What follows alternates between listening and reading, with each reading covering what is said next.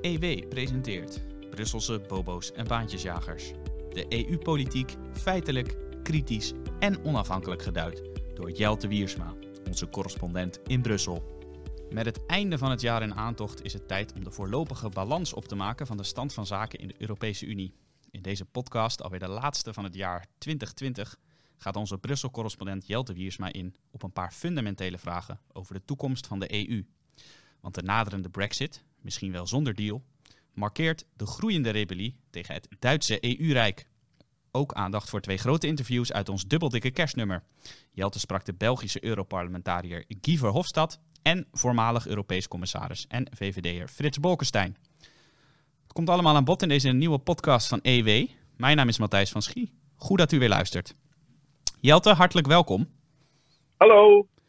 Onze luisteraars kennen jou als een uh, man van de grote, uh, lijvige analyses. En uh, dat was de afgelopen week weer niet anders, want dinsdag 15 december schreef jij weer zo'n analyse op onze website. Heel goed gelezen, ditmaal naar aanleiding van de Brexit, want een no-deal dreigt nog steeds. En jij zegt het afscheid van de Britten en ook mogelijk het afscheid op deze manier, dat past in een trend van rebellie tegen de EU. Waar blijkt dat uit? Ja, je moet je zo voorstellen dat uh, aan de grenzen van uh, het EU-imperium, wat ik vaak een, een Duits EU-rijk noem, uh, overal rebellie zichtbaar is. Dat is natuurlijk het meest zichtbaar door Brexit, waarin het Verenigd Koninkrijk in 2016 een referendum is geweest. En een kleine meerderheid van de kiezers heeft gezegd: wij willen uit de Europese Unie, waarnaar een, een grote meerderheid van het uh, Britse lagerhuis heeft gezegd dat advies van onze uh, burgers uh, volgen wij en wij gaan eruit. Dan heb je natuurlijk nog in Zuid-Europa het ongemak over de euro. een heel aantal Zuid-Europese landen, dan denken we natuurlijk vooral aan Portugal, Spanje, Italië, Griekenland, maar ook aan Frankrijk toch wel en België die uh, zeggen van uh, ja, die euroregels die knellen ons te veel. En die, daar, daar, daarom houden wij ons er gewoon niet aan. Dus die regels die zijn er wel, maar uh, ja, jullie kunnen de boom in in Brussel en in Frankfurt en in Berlijn en in en Den Haag ook uiteindelijk. Want die eh, regels vinden we niet leuk. Dus gaan we niet volgen. Dat is natuurlijk ook een vorm van rebellie. Waarbij uh, dan een uh, derde windstreek, het oosten, uh, ook nog een duit in het zakje doet. Dan moet je denken aan vooral Polen natuurlijk en Hongarije, maar in bredere zin de Visegrad, waar Polen en Hongarije deel uitmaken. En ook Tsjechië en Slowakije bij zitten, die vier landen. En Slovenië ook wel eens op een krukje aan tafel zit. die rebelleren ook min of meer tegen die um, centralisering van macht in de EU. En dan heb je het vooral uh, op cultureel vlak. En dan uh, is immigratie, islam, is een, uh, een, strijdpunt. Ja, je noemt zo even inderdaad de, de windstreken waar die rebellie allemaal vandaan komt. Jij vat het in het begin eigenlijk in één vraag samen, die je vervolgens probeert te beantwoorden. Namelijk de vraag: gaat opnieuw een Duits rijk ten onder? Door te grote ambities in het oosten, zwakke partners in het zuiden, een getroubleerde relatie met Frankrijk en tegenstribbelende Britten. Jij spreekt van een Duits Rijk. Waarom is het nou specifiek een Duits Rijk en niet een Frans Rijk bijvoorbeeld? Wat een mooie taal hebben wij trouwens. Hè? Tegenstribbelend en getroubleerd en prachtige woorden allemaal. Jij schrijft het ook allemaal op. Ja, dat uh, gaat zomaar uit de mouw, de losse mouw wel te verstaan geschud worden elke keer. Um, nee, zonder gekheid ja, je kan natuurlijk constateren dat de Europese Unie eigenlijk een soort Duits Rijk is geworden. En dat zeg ik niet met verwijzing naar de Tweede Wereldoorlog of de Eerste Wereldoorlog of eerdere uh, Duitse pogingen om uh, uh, Europa met geweld tot één blok te vormen. Maar ik zeg het natuurlijk wel met enige historische kennis, half kijkend daarna met een knipoog van ja, die EU is toch een soort Duits imperium geworden deze dagen. Uh, het gekke is dat de Duitsers daar eigenlijk zelf heel ongemakkelijk mee zijn. In de zin van, ja, zij, zij hebben twee keer die poging gedaan om Europa onder hun uh, controle te brengen. Dat is twee keer met veel bloedvergieten voorkomen. En dat heeft Duitsland uh, bijna aan de rand van de afgrond gebracht. Het had zomaar kunnen zijn als de overwinnaars van de Tweede Wereldoorlog anders hadden besloten dat Duitsland helemaal niet meer had bestaan. Dat had gekund. Er zijn serieuze plannen geweest om het land op te knippen in een Donau-republiek met het zuiden van Duitsland, met Oostenrijk en zo. Eh, of helemaal op te knippen en eh, terug te werpen naar een agrarisch land en alle industrie te ontmantelen. Om te voorkomen dat Duitsland ooit nog economisch sterk zou kunnen zijn en uh, oorlog zou kunnen voeren. Nou, tegen de achtergrond van de Koude Oorlog is dat allemaal weggedrukt. Ehm, want de Amerikanen vooral die vreesden dat het westelijke deel van Duitsland eh, in handen van de communisten zou vallen als het gedeindustrialiseerd zou worden. Dus die wilden juist, wilde juist herindustrialisering, zodat er een sterk en rijk West-Duitsland ontstond. Kapitalistisch, met een vrije markteconomie, met een democratie enzovoort, om het oprikkende communisme tegen te houden. Uh, nou, eh, vanuit die positie is eerst West-Duitsland en uiteindelijk vanaf 1990, toen het Oost-Duitse blok, het Sovjetblok eh, van Duitsland er ook bij kwam, is Duitsland steeds meer in het hart van uh, Europa en dan meer specifiek de Europese Unie komen te liggen. En die opmars die, is um, simpelweg te verklaren vanuit de economische kracht en ook de demografische kracht van Duitsland. Uh, maar vooral de economische kracht. Een oude politieke uh, wet luidt dat uh, op economische macht altijd politieke macht volgt. En we hebben gezien, en het breekpunt is 2007, 2008 geweest. Uh, we weten natuurlijk dat toen de economische crisis, de grote crisis ook wel genoemd, of de eurocrisis, bankencrisis, is ingezet. En dat op dat moment iedereen naar Duitsland ging kijken, naar Berlijn. Want die heeft de grootste portemonnee. En die moest uiteindelijk bepalen wat gaan, uh, gaat wel en niet gebeuren met de euro. Wordt die wel of niet gered? Waar gaat wel of niet geld naartoe? Welke banken worden wel of niet gered? Die beslissingen die moesten allemaal in Berlijn worden genomen. En sinds die tijd is het uh, Berlijn dat ehm, toch de baas eigenlijk is en bepaalt wat er wel of niet gebeurt in Europa. En daarmee kan je zeggen uh, dat die Europese Unie een soort Duits imperium is geworden, een Duits rijk is geworden.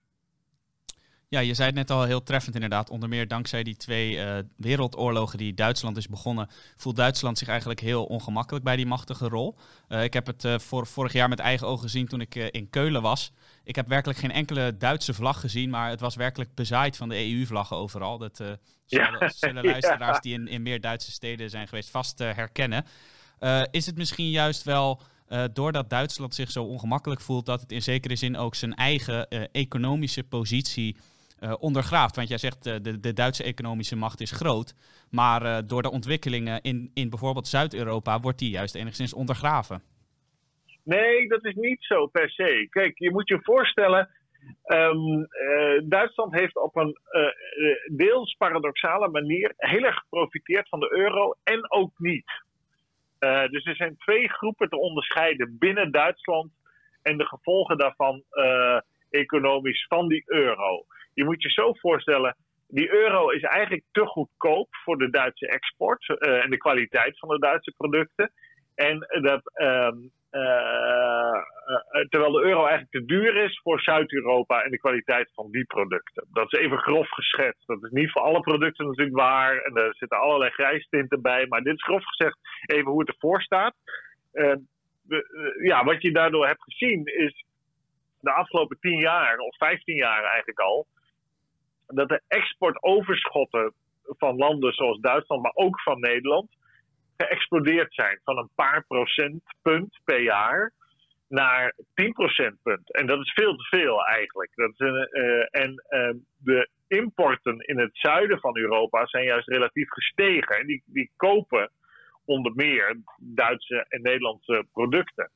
En um, dat heeft dus ervoor gezorgd dat je in landen zoals Duitsland en Nederland, Nederland is een soort satelliet van Duitsland natuurlijk, eh, volledige werkgelegenheid hebt gekregen. Uh, want er wordt heel veel geproduceerd, veel geëxporteerd. Uh, maar de, uh, de grote winnaars daarvan zijn in veel gevallen vooral de aandeelhouders van de grotere bedrijven die en ook wel MKB, die die, winsten hebben kunnen wegsteken. Want de salarissen in Duitsland en Nederland zijn relatief niet zo hard omhoog gegaan.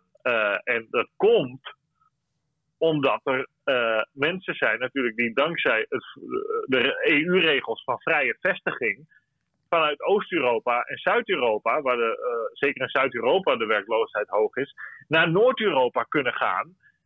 En dus op die arbeidsmarkt kunnen gaan concurreren met uh, de al, al werkende mensen daar. Hè? Dat, dat drukt nou een keer die salarissen naar beneden. Dus je ziet dat enerzijds goedkope arbeid uit Oost-Europa en je ziet hoogopgeleide uh, mensen uit Spanje, uit Italië, die zich vestigen in landen zoals Duitsland en Nederland.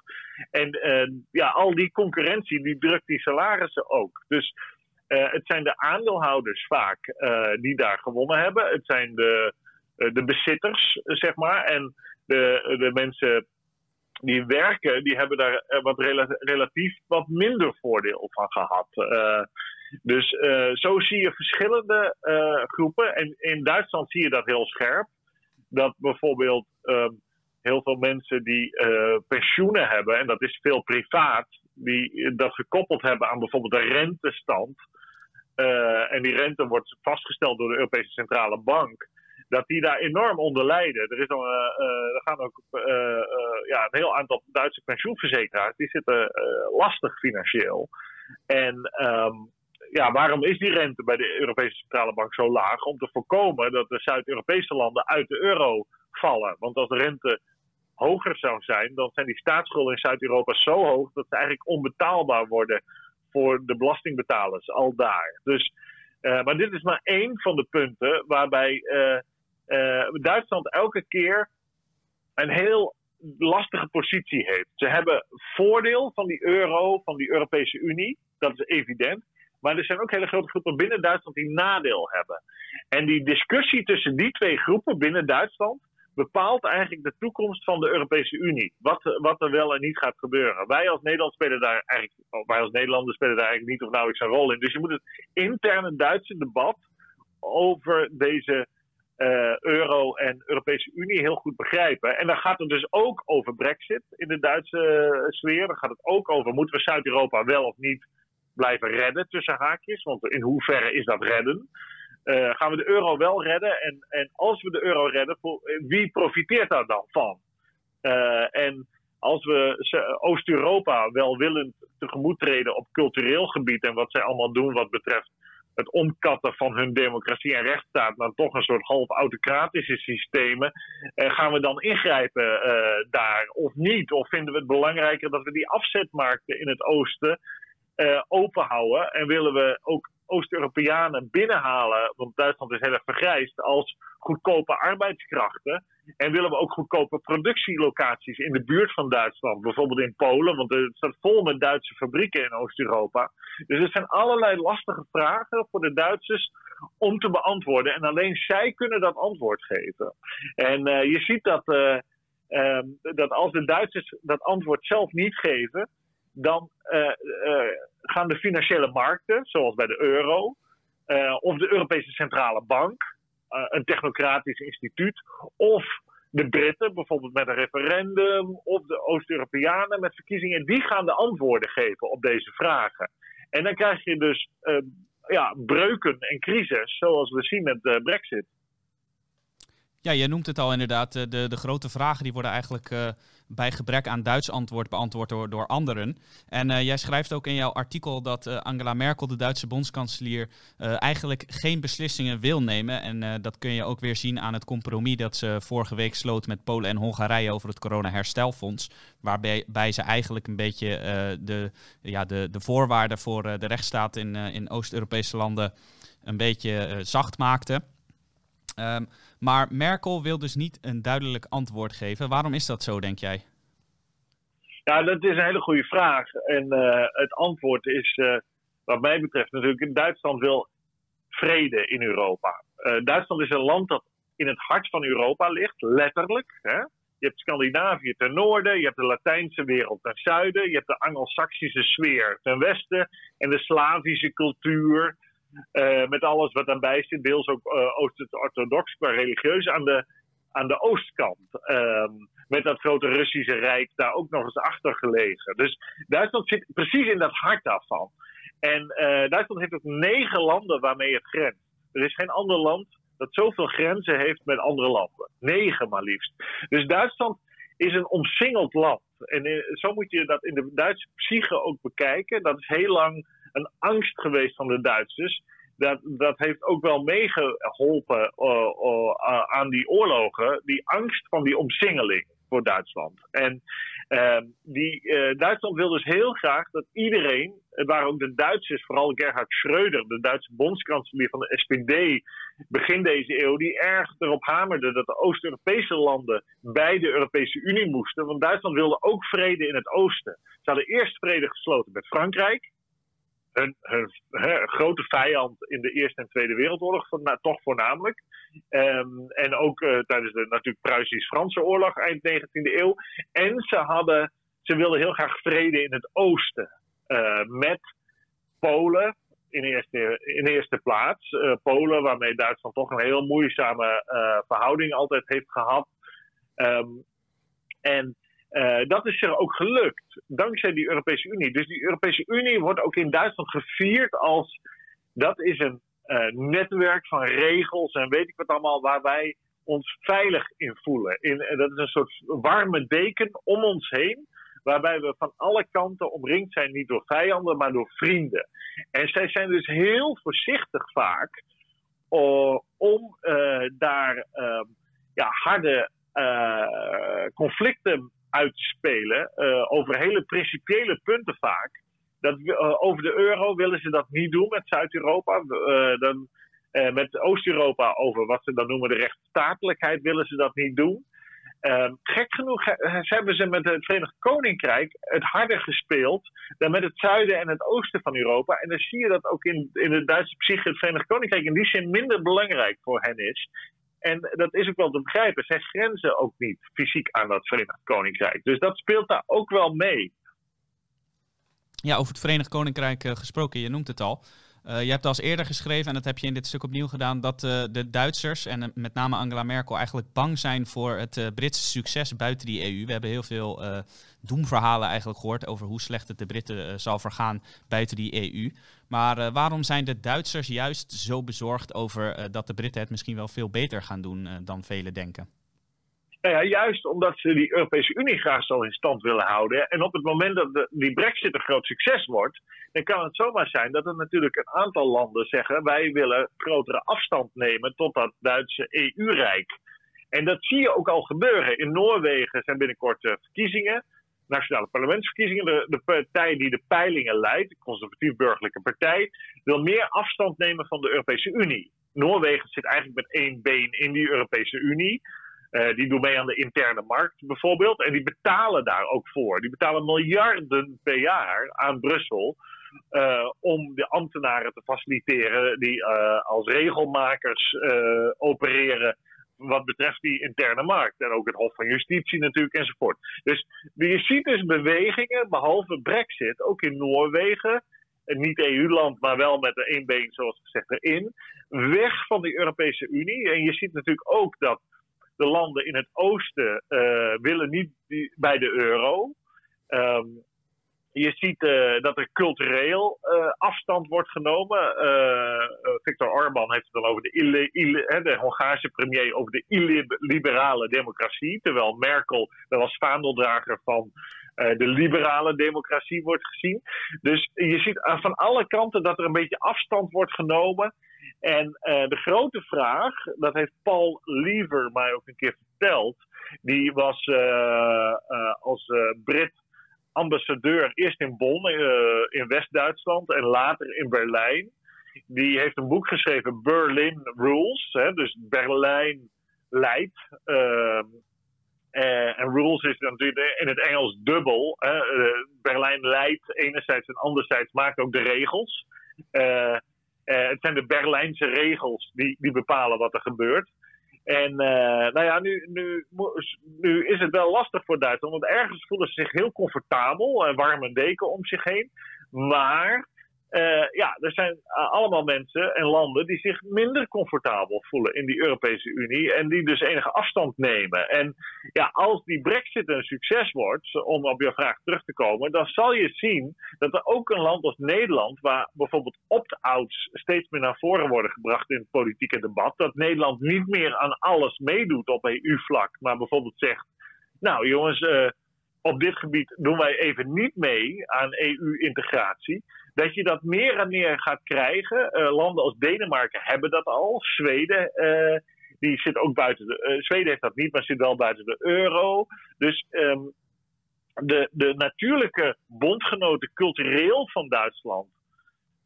meer Scandinavië, Engeland ook wel in heel veel over wat, heel, wat betreft heel veel opvattingen. Die nemen eigenlijk steeds meer afstand van dat Duitse EU-imperium. Omdat ze ook wat wantrouwen hebben over de Duitse compromissen en besluiteloosheid wat betreft projecten zoals de euro en die rechtsstatelijkheid. En uh, ja, daar hebben de Duitsers toch een, moeilijke, een aantal moeilijke vragen te beantwoorden. Tegen welke prijs willen zij die euro in stand houden? Willen zij enorme transfers naar het zuiden op gang brengen of niet? En uh, ja, uh, je ziet dat ze dat af en toe dan doen. Dat is een pleister plakken, zoals het corona-herstelfonds is een soort gift aan het zuiden ze maken dan inderdaad, zoals je terecht zegt, Merkel maakt dan een compromis met de Oost-Europeanen over rechtsstatelijkheid. Dat die Oost-Europeanen nog wel geld blijven krijgen, maar dat ze, uh, dat ze toch een beetje kunnen rotzooien met uh, fundamentele waarden als democratie en, en uh, onafhankelijke rechtspraak. dus um, de, dat pleister plakken, dat wordt dan inderdaad wel Merkelen genoemd. Ze, ze wacht gewoon net zo lang met een beslissing nemen tot ze niet meer anders kan. En wat ze dan doen, doet, dan zegt ze: Ja, mijn beslissing die ik dan neem is alternatiefloos. Dus er is geen alternatief voor mijn beslissing. Ja, en, en dat is nooit waar in een democratie. In een democratie is er altijd een alternatief. Uh, dat moet ook, want anders kan je geen democratisch debat voeren. Je moet gewoon een oppositie en een propositie tegenover elkaar hebben. Um, en uh, nou ja, die is er ook wel in Duitsland. En ja, het wordt, het wordt echt wel heel spannend de komende. Het kan wel 10, 20 jaar duren, maar hoe dat debat zich binnen Duitsland ontwikkelt.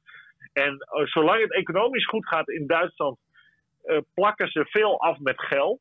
Maar wat op het moment dat ook met de herinnering aan de Tweede Wereldoorlog steeds meer vervagend. Uh, enerzijds en anderzijds een keer economische neergang in Duitsland. Want elk land heeft wel eens economische slechtere tijden hoe, hoe die, dat debat zich dan in Duitsland gaat ontwikkelen, daar ben ik wel uh, uh, heel benieuwd naar. Ja, grote dilemma's waar de Duitse bevolking en de Duitse regering voor staan, uh, gaan we komend jaar in de podcast uiteraard weer met veel interesse volgen en bespreken. En als we de sleutel zit daar, hè? De sleutel zit daar. Als je de, als je de Duitse politiek volgt, volg je eigenlijk het EU-debat.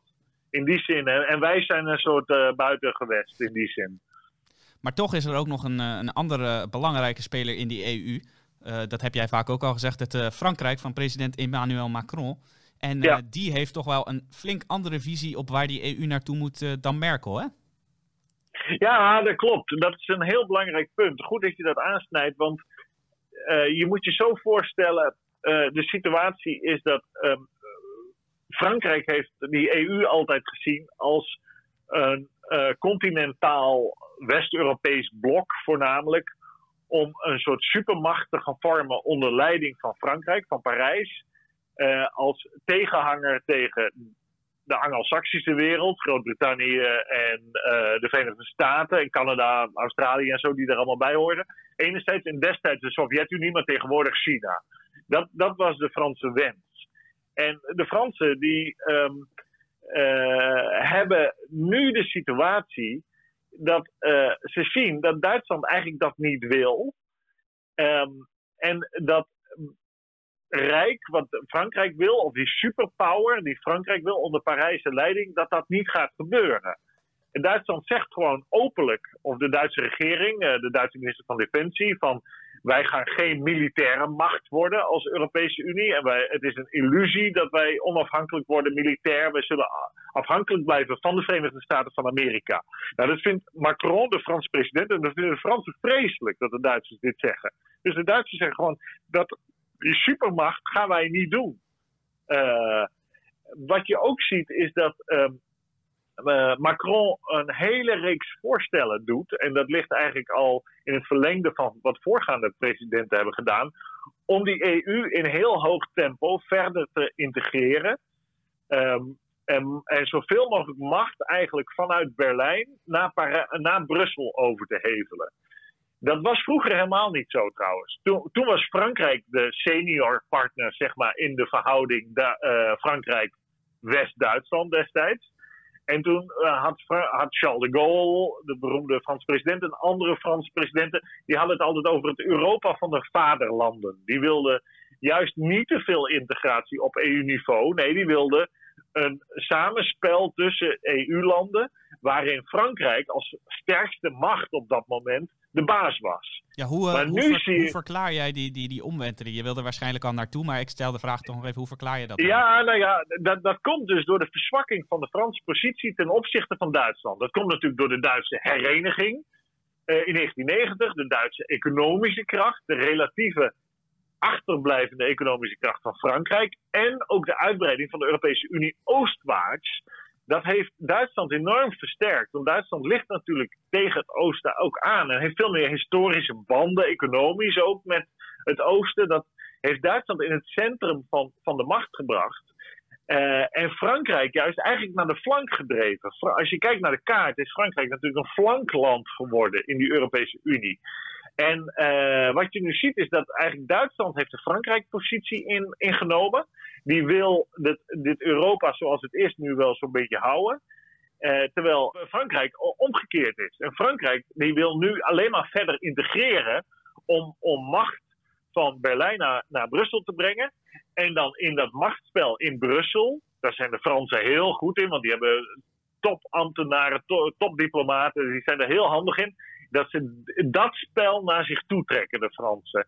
En je ziet ook dat de Fransen allerlei clubjes gaan organiseren buiten Duitsland om. Zoals een militair clubje met negen landen, waar bijvoorbeeld Denemarken, Nederland, België, Spanje bij zitten. Dat zijn landen met een defensie die niet per se heel groot is, maar wel landen die hebben aangetoond dat ze onder Amerikaanse leiding willen vechten. Uh, en dat ze dus accepteren dat burgers sneuvelen voor overzeese militaire interventies. Duitsland zit ook bij dat clubje, maar Duitsland wil helemaal niks. Duitsland wil geen militaire interventies, of heel weinig in ieder geval. Ze durven niet. Ze hebben ook het materieel niet. Op een gegeven moment kon er geen enkel Duits vliegtuig, militair vliegtuig de lucht in. Geen enkele Duitse onderzeeboot, die beroemde U-boten, die konden. Er was geen enkel schip meer op de, op de zee met een Duitse vlag, een militair schip. Het is dramatisch. Dat dondert helemaal in elkaar, die, die, die, uh, die defensie van Duitsland. Dus Frankrijk zie je ook dat hij denkt: oké, als de Duitsers willen dat niet, wij gaan dus onze eigen club opzetten. Nou ja, en je hebt natuurlijk nog het clubje economisch van uh, een rebellenclub tegen eigenlijk wat Duitsland doet, die pleisters plakken economisch op Zuid-Europa met zo'n corona-herstelfonds. Dat is de Hanse-liga. Dat is weer een initiatief van Nederland met bijvoorbeeld Ierland, Denemarken, Zweden, Finland, Oostenrijk. Landen die zeggen, nou ja, wij willen niet het, uh, uh, transfers naar Zuid-Europa. En die, die zijn ook aan het rebelleren. Daar zit Duitsland ook wel weer aan tafel. Want die is formeel niet lid, maar die zit dan wel op een krukje ergens aan tafel. Maar, uh, dus Duitsland zit wel overal aan tafel elke keer.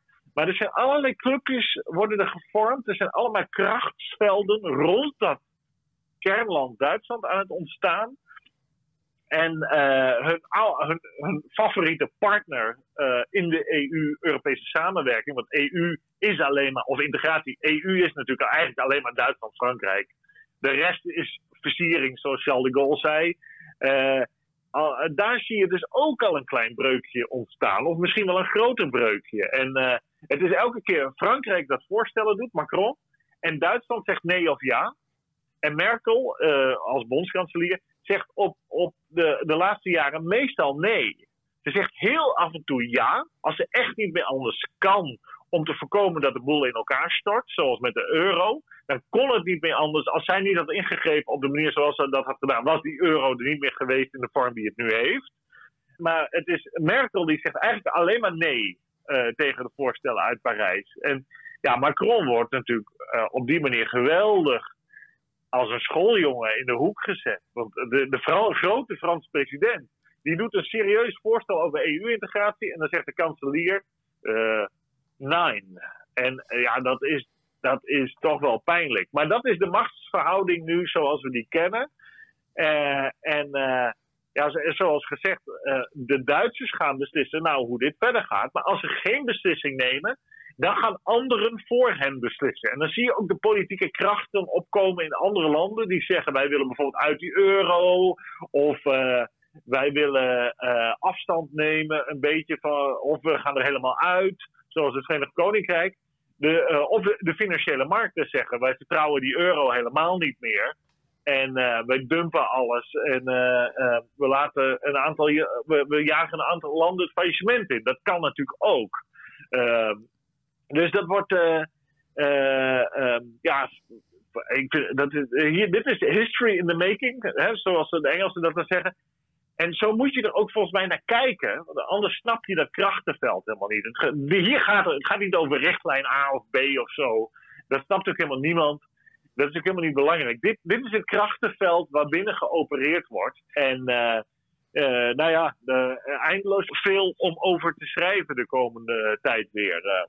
Ja, dat is inderdaad een eh, fascinerende uh, machtsstrijd uh, die gaande is, die zich voor onze ogen voltrekt. En het is de vraag of dat breukje dat begint te ontstaan tussen Duitsland en Frankrijk in 2021 wordt geheeld, of dat dat juist een grotere breuk wordt. Gelukkig hebben we jou, Jelte, om het allemaal te duiden. En jij zegt het denk ik met recht, luisteraars zitten niet te wachten op de dagelijkse richtlijnen, de kleine spelletjes, maar echt op de, de grote lijnen. En dat heb je bij deze gedaan en ook in jouw artikel uh, voor onze website. Uh, dat is uiteraard te vinden in de beschrijving uh, van deze podcast. staat nog veel meer in dan alleen wat u net heeft gehoord. En dat was al flink wat. Ik heb geen idee, eerlijk gezegd, waar de luisteraars of lezers op zitten te wachten. ik schrijf gewoon op wat ik vind en hoe ik het zie en wat ik denk. dus, en dan hoop ik maar dat de luisteraar en lezer dat apprecieert. Nou, als ik de recensies op iTunes lees in de store, dan zijn de luisteraars erg te spreken over dit soort analyses. Dus Ga zo door, zou ik vooral zeggen. En mocht u natuurlijk aanmerkingen hebben uh, wat er beter kan, dan horen wij dat graag van u. Dat kunt u bijvoorbeeld in de iTunes uh, Store doen. Maar uh, u kunt ook mailen. onze e-mailadressen zal ik ook even in de beschrijving van deze podcast plaatsen. Tot zover jouw grote analyse van de stand van zaken in de EU en wat ons nog allemaal te wachten staat het komende jaar. dat is dus te vinden op onze site. Maar in het blad heb jij ook flink gepubliceerd. Het dubbel dikke kerstnummer van EW. Uh, dat is uh, te vinden in de winkels die nog open zijn en uiteraard ook uh, in de webshop van EW. Ik wilde even Elsevier zeggen, EW moet ik zeggen. laten we beginnen met jouw eerste grote interview. Je hebt gesproken met Guy Verhofstadt. Hij is al vaak voorbijgekomen in deze podcast. Hoe heb jij dit interview ervaren? Was het leuk? Ja, natuurlijk. Fascinerende man, hè, Guy Verhofstadt. Je moet je voorstellen, dat is toch een oud premier van België. Hè? Bijna negen jaar premier geweest. Het is geen koekenbakker, om het zo maar te zeggen. En hij is al sinds 1977 uh, een politiek vertegenwoordiger. In de zin dat hij al sinds 1977 onafgebroken verkozen is. Nou, dat is toch een prestatie uh, die. Uh, daar kunnen jij en ik nog een puntje aan zuigen, Matthijs. Hè? Zeg dat wel. Dus die. ja, die carrière is natuurlijk indrukwekkend. daar kan je niks van zeggen. Of je dat nou of je het nou inhoudelijk met hem eens bent op allerlei punten of niet. Uh, wat ik wel heel aardig vond, uh, we hebben met elkaar uh, geluncht in het Europees Parlement. In een uitgestorven Brussel, in een uitgestorven Europees Parlement. Waar hij een Japanse lunch heeft laten aanrukken. En wij ook heerlijk rosé hebben gedronken van zijn wijngaarden in Toscane. Uh, zeer aan te raden overigens deze wijn. Uh, de, of de, de productie is beperkt, begreep ik. Want die wordt ook uh, in eigen kring opgesopen. maar dat is verstandig, want dit geef je niet zomaar weg. maar het was boeiend. Kijk, ik ben het niet altijd eens met Verhofstadt. Maar hij heeft wel een consequente lijn in wat hij wil met de Europese Unie. hij zegt, ik wil een... Die, Verhofstadt zegt altijd, ik de Europese Unie zoals die nu is, is niet goed.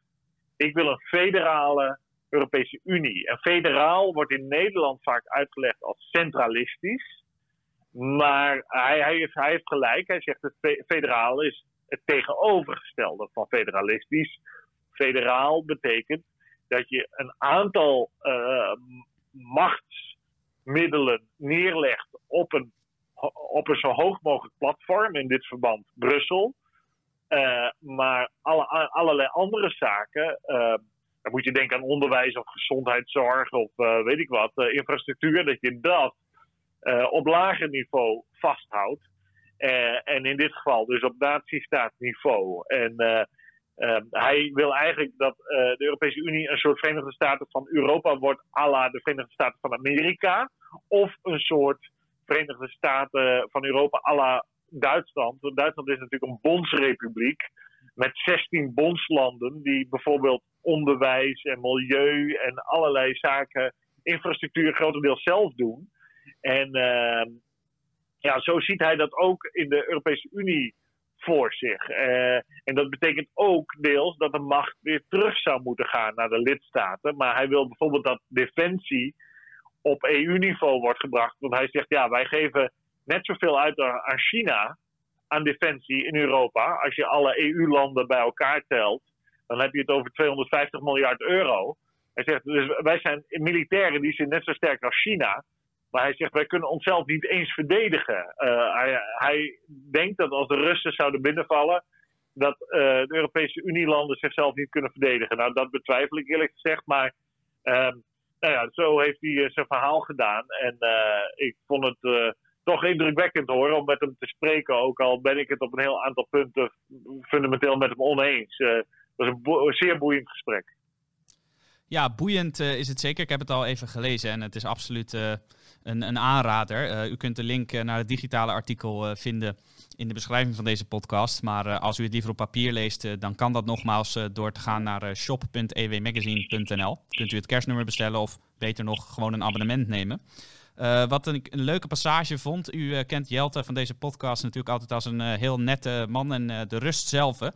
maar hier staat over Verhofstadt om zijn vurige monologen te onderbreken voor een vraag. Is een gewoon stemvolume niet voldoende, maar terugschreeuwen werkt wel.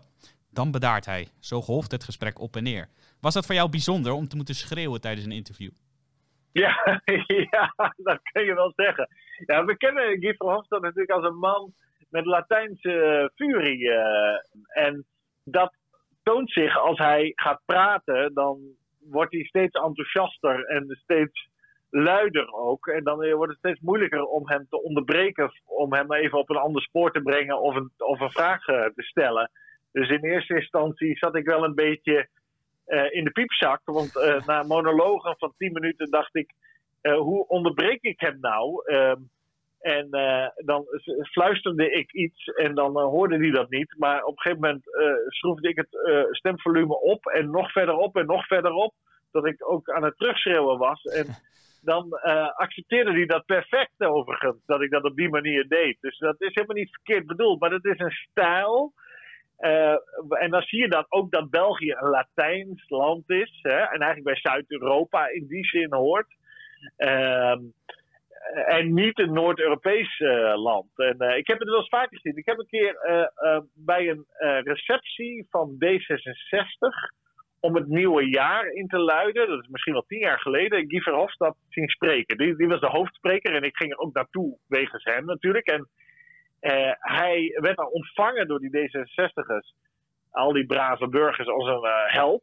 En toen ging hij spreken en na tien minuten, ja, die Latijnse furie, en dat sloeg helemaal dood in zo'n zaal met D66'ers. Dat werkte dus helemaal niet. Uh, en terwijl um, ja, in, in landen zoals Spanje of Italië of Frankrijk is dat retoriek en, en grote passie en schreeuwen met elkaar. We kennen natuurlijk allemaal de beelden ook wel eens uit Italië, waar ze dan met elkaar op de vuist gaan. En in, in België gaan ze soms ook bijna met elkaar op de vuist, in, in het halfrond, zoals het parlement in Brussel noemen dat, dat, uh, ja, kennen wij op die manier toch wat minder. En uh, die D66'ers die vielen helemaal stil en die, die voelden zich een beetje beschaamd uh, over die manier van politiek bedrijven. En dat, dat vond ik wel weer aardig overigens om te zien. Want dan zag je het provincialisme van die D66'ers die allemaal een verenigd Europa willen. Maar dus helemaal geen besef hebben dat dit de politieke omgangsvormen zijn in een groot deel van Europa. En uh, dat zij daar dan ongemakkelijk bij worden, vond ik wel ironisch natuurlijk. Ja, mooi is dat. gelukkig heeft Verhofstadt jou niet stil weten te krijgen. Want jij hebt hem een aantal prikkelende vragen voorgesteld. En dat allemaal fraai op papier en op uw beeldscherm opgeschreven. Dus nogmaals, lees dat interview vooral. jij hebt het over de onstuimige stijl van Guy Verhofstadt. En eigenlijk het, ja, een tegenpol kun je het misschien wel noemen. Frits Bolkenstein, die heb jij gesproken ook voor dit kerstnummer. Staat helemaal achter in het blad. En uh, wat, wat opvallend is, vind ik, hij, eh, hij heeft gelijkenissen met Guy Verhofstadt. Hij heeft lang in Brussel gezeten als Europees commissaris. Hij is een liberaal, of althans, hij hoort bij de VVD, een liberale partij. Maar in heel veel andere opzichten is hij toch wel een heel ander slag dan Guy Verhofstadt, hè? Ja, dat is zeker zo. Hij is natuurlijk het tegengestelde van Verhofstadt wat betreft passie en furie. Althans, in de manier waar, waarop hij spreekt is natuurlijk veel onderkoelder en zakelijker. Dat zegt hij ook in het interview, Frits Bolkestein. Uh, verwijzend naar een Duits tijdschrift dat bij hem in de bus viel. Dat als ondertitel heeft Neue Sachlichkeit. Dus nieuwe zakelijkheid. Hij zei, daar ben ik erg voor, zakelijkheid. Um, ja, Bolkestein is natuurlijk een fantastisch begaafde man. Hè, die hij is een halve filosoof, hij is wiskundige, mathematicus, uh, historicus, jurist. Ik geloof, uh, zeg, zeg, ik helemaal allemaal, allemaal uit het hoofd. Wat is deze man niet? Uh, en hij, hij kent natuurlijk Oud-Grieks en hij leest dan Plato in het in Oud-Grieks. En daar, elke vrijdag heeft hij in zijn kantoor in Amsterdam aan de Amstel zijn beroemde kantoortje waar hij altijd mensen ontvangt, ook voor interviews en, en weet ik wat. Eh, heeft hij een groepje van eh, studenten uit Leiden die die dan eh, onderhoudt over Plato en ook Socrates. En dan discussiëren ze daarover en daar vertelt hij heel mooi over. Ja, hij is 87 jaar. Ehm, hij heeft een, vorig jaar of twee jaar geleden zijn, eigenlijk zijn intellectuele afscheid aangekondigd. Dat zei hij toen, toen eigenlijk formeel. Van, ik stop met schrijven en ik ga in rusten. Nou, dat mag ook wel op die leeftijd. Um, en hij vertelde me dat hij een beetje lui was geworden. Uh, dus de laatste ander, anderhalf jaar zo'n beetje. En ik vroeg hem, wat, wat doet u dan vooral? En hij zei, nou, ik klets een beetje met mijn vrouw. zo zat hij. Maar ik had met hem te doen in de zin, niet, niet in medelijdende zin, maar wel in dat de man is dol op opera, ballet en dat soort zaken. En ja, alles is dicht. En als je dan op die leeftijd bent en, en wel vlakbij al die culturele instellingen, concertgebouw, ehm, de Stopera in Amsterdam en zo woont, dan is het natuurlijk vreselijk vervelend als je alleen nog maar opgesloten in je huis zit. Dus maar wat een indrukwekkende man. Een grootheid. En misschien wel de, de, de enige echte intellectueel in Nederland die ook politiek succes heeft gehad op een uh, prettige manier. Dat is toch ook. en ook een politicus tegen wil en dank. Dat is ook zo interessant. Hè? Er zijn heel veel mensen die niet heel begaafd zijn, die heel graag in de politiek willen. Maar hij is heel begaafd en had een hele goede carrière bij Shell natuurlijk. Waar hij met veel plezier en tevredenheid werkte. En waar hij ook kansen had om toch forse promoties toch te maken. Misschien wel ooit CEO van Shell had kunnen worden en heel veel geld had kunnen verdienen. Maar is hij, uh, toen hij voor Shell gestationeerd was in Parijs en weer regelmatig in Nederland kwam, want daarvoor was hij vooral overzees gestationeerd, zag hij hoe Nederland onder de Joop den Aal in de Joop den Aal jaren helemaal onderuit ging en wat voor warhoofden het land bestuurde. En uh, dat heeft hem de politiek ingedreven. En daar vertelt hij dus ook over. En dat is heel belangrijk om te begrijpen. Dat hij eigenlijk tegen wil en dank politicus is geworden. En wat toch ook nog wel aardig is om te vermelden, dat het dankzij diezelfde Joop den Uyl is, ironisch genoeg, dat hij ook in die politiek is beland. Want hij kwam op de kieslijst van de VVD in 1977 en uh, hij stond op zo'n lage uh, positie dat hij in eerste instantie na de verkiezingen niet verkozen was. Maar Den Uyl was zo lastig en zo uh, zelf ingenomen over het bouwen van de socialistische heilstaat. Dat uh, die arme Dries van Acht, die ik een keer twee keer drie uur heb mogen interviewen onder het genot van een piekeurtje en een sigaar dat die arme Dries van Acht in de warme handen van Hans Wiegel viel. Die ik ook ooit heb mogen interviewen voor Elsevier. Die niet eigenlijk, hè, Jelte? Ook onder het genot van een sigaar. en die, die, die, die Wiegel en die Van Acht, die maakten samen een kabinet. En daardoor gingen heel veel VVD-Kamerleden minister en staatssecretaris worden. En uh, Bolkestein kwam als laatste VVD'er, nipt daardoor, die schoof op in die Tweede Kamer. En uh, sindsdien heeft hij zijn carrière gemaakt. Maar hij is altijd een vreemde geweest in de politiek. Je ziet dat ook, dat hij bijvoorbeeld na zijn afzwaaien als eurocommissaris in 2004, zijn laatste politieke ambt, hij is ook nooit minister van Staat geworden, wat natuurlijk een schandaal is. Hij is ook nooit uh, in de Eerste Kamer neergezet of zo, nog als een soort hobby. Hij, of in de Raad van State of zo. Ik weet ook niet of hij daar belangstelling voor had overigens. Maar hij was een, een vreemdeling in die politiek. En hij was ook niet geliefd in Den Haag, want hij, hij zei het zoals het is. Hij, hij was een, man van de feiten, van de het realisme, van de zakelijkheid. En dat gaat heel veel, eh, vaak in tegen politieke wensdenken. En dan schopte hij heel veel heilige huisjes om. Islam, immigratie, Europese Unie, noem het maar op. Daar heeft hij natuurlijk een enorme rol in gespeeld in dat debat de afgelopen 40 jaar. En uh, uh, hij is dus ook nooit beloond of zo met allemaal leuke erebaantjes. Of, en dat, dat is toch gênant hoor. Dan kennen we onze politieke klasse ook wel weer. Hoe weinig chic die zijn naar de grootten van ons landbestuur. En daar, daar is hij de, misschien wel de grootste van in heel veel opzichten. Vreselijk begaafde, beschaafde en fascinerende man. die in die zin meer heeft verdiend dan alleen maar nog de krant zitten lezen en met zijn vrouw kletsen. die zou toch minister van Staat of anderszins nog eens een, een liedje moeten worden opgespeld. Zeg dat wel, uh, Jelte. Mooie woorden over een uh, bijzondere man inderdaad. En hij is tenminste nog wel altijd welkom op onze vele EW-evenementen. de HJ schoollezing, de economielezing afgelopen jaar. zelfs op 87-jarige leeftijd komt hij altijd trouw naar onze lezingen. Dat waarderen wij zeer. We, we, hopen dat hij ons nog vele jaren wil vergezellen daar.